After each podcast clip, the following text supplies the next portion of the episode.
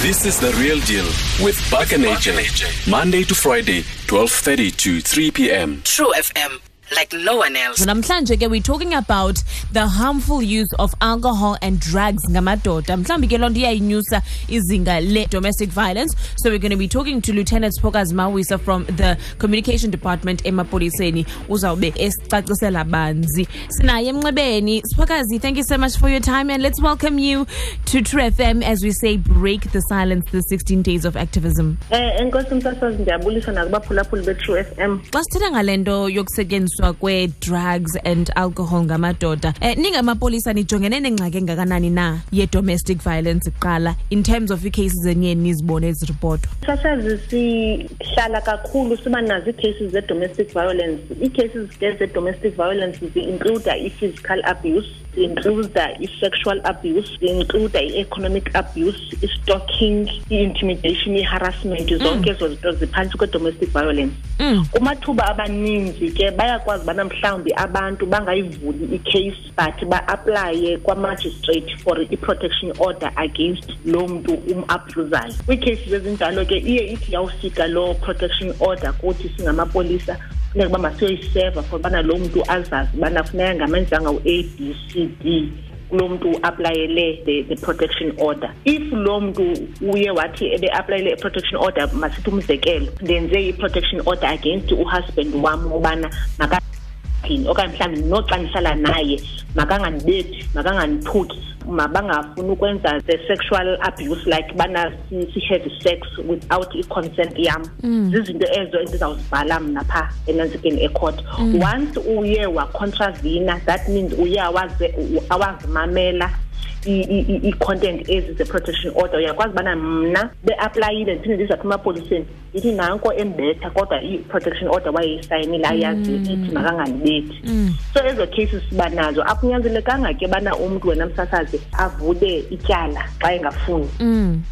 uyakwazi ubana wenze i-protection order yakho ecourt yamapolisa asiyiseve if uye wacontrasina i-protection order uphinde uzapha epolice station uzosixelela ubana uyayenza ke laa nto bekuphepha mm. protection order angayenzi mm. uyakwazi ubana uvule icase mhlawumbi okubethile ye-assault ezawurana ecourt ungakhange wayenza i-protection order uyakwazi ubana uzenze both so ezo zinto zizinto esihlala sinazo kakhulu emapoliseni kwicala ke le-sexual abuse uyakwazi ubana umntu avule ikheyisi ye-rape mm. against ipartner yakhe mm. ezo zinto zizinto ezenzekayo ebantwini and kwezi cases kwezi ntlobo ngeentlobo ze-abuse usandawuzikhankanya ngoku ubutywala ne-drugs zidlala indima engakanani na kwezi kwezi ziganeko athi umntu hayi bendiphantsi kweempembelelo zotywala um eh, ii-excuses ezifana nezo ziye zibe ngakanani ziye zibe ninzi isikakhulu nalapha ku-boyfriend and girlfriend mm. ufumana isibana abantu bebehleli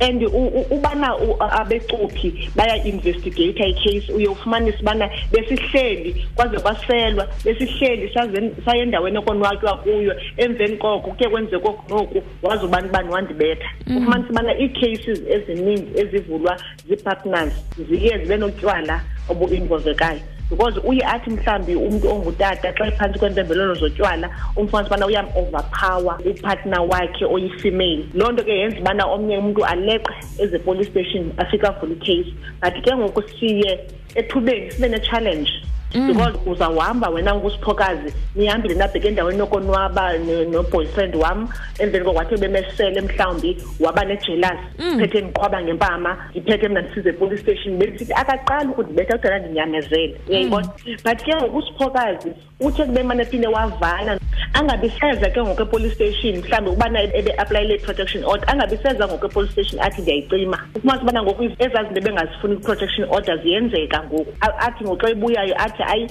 ukhontrasine i-protection order ufumanisa ubana hayi mani kudala isenzeka le nto xa usele um, um, um, uminterviewa ufumanisa ubana o oh, okay uye wathi kube mana esiva mnandi noboyfriend wakhe wasilibala ke ngokuthina singamapolisa mm. uyayibona mm. ngelinye ixesha uyakwazi ubana umntu athi ixesha ebethiwe aze azovula ikheyisi yakhe athi ngomso ngocevana noboyfriend wakhe athi ngoba ikheyisi ufuna uyicima zii-challenges ezo esidibana nazo as a result saye sayeka ubana umntu ngoku makathi xana uboyfriend wakhe okanye kwezi zinto ze-domestic violence because i-domestic violence ngoku ithathwa as i-crime efuneka ihoywe kakhulu kwakukade kudala if mhlawumbi uvulile ilentisa ikheyisi uza apha epolice station uthethe nomcuphi umcuphi if uthi ayi mna ndifuna ucima uzawuthetha uzawunikeza nje i-withdrawal statement sakho umcuphi amkhuphe loo mntu lowo then idoket libheke court as withdrawn ngoku sayiyeka loo nto leyo because i-domestic violence ithathwa as a serious offense yes funeka if ndivule icase mna ndingusiphokazi ndadicida ngokubana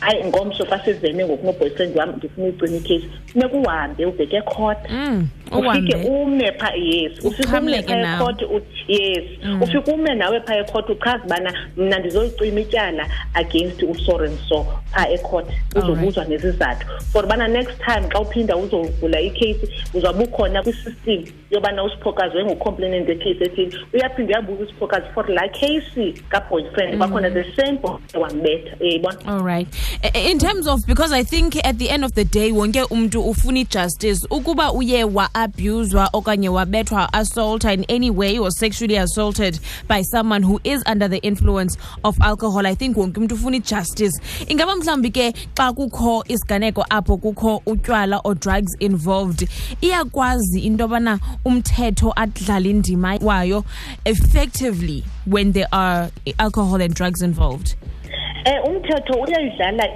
indima yayo but i'm not going to dwell much ngecala mm. lakwa justice mm. but thina singamapolisa if uzile wazovula i case ukuthi make sure ubana izitatimenti ziyathathwa mm. if bebekhona oo-witness nabo kuba ziyathatha izitatement zabo zonke ii-element zecrime ziba khona kwistatement ubana bekwenzeke oku mm. noku noku wamenza okuthile nokuthile ukuze azokwazi if mhlawumbi icase kwabanye abantu mhlawumbi ufumanisa ubana iba i-assault g b h i-assault g b h ke i-assault with the intent yegrievous bodily harm that means mm. mhlawumbi uhlakiwe okanye utheni une-wounds onazo uyayibona mm. uyakwazi ubana ungumcuphi uyo-opposa ibheyili ubana umntu makangayifumani ibheyili ibheyili because of ezi zizathu nezi zizathu akaqali ukuyenza le nto wayekhe wabanjwa before for the assault mhlawumbi mm. was the same was the same victim uyayibona mm. then akwazi ubana maka-oppoze ibheyili ecourt umntu ayiwine or else ke umntu afumane ibheyili ezawubonisa ubana makaphinde avele ekhothi ngemini ethile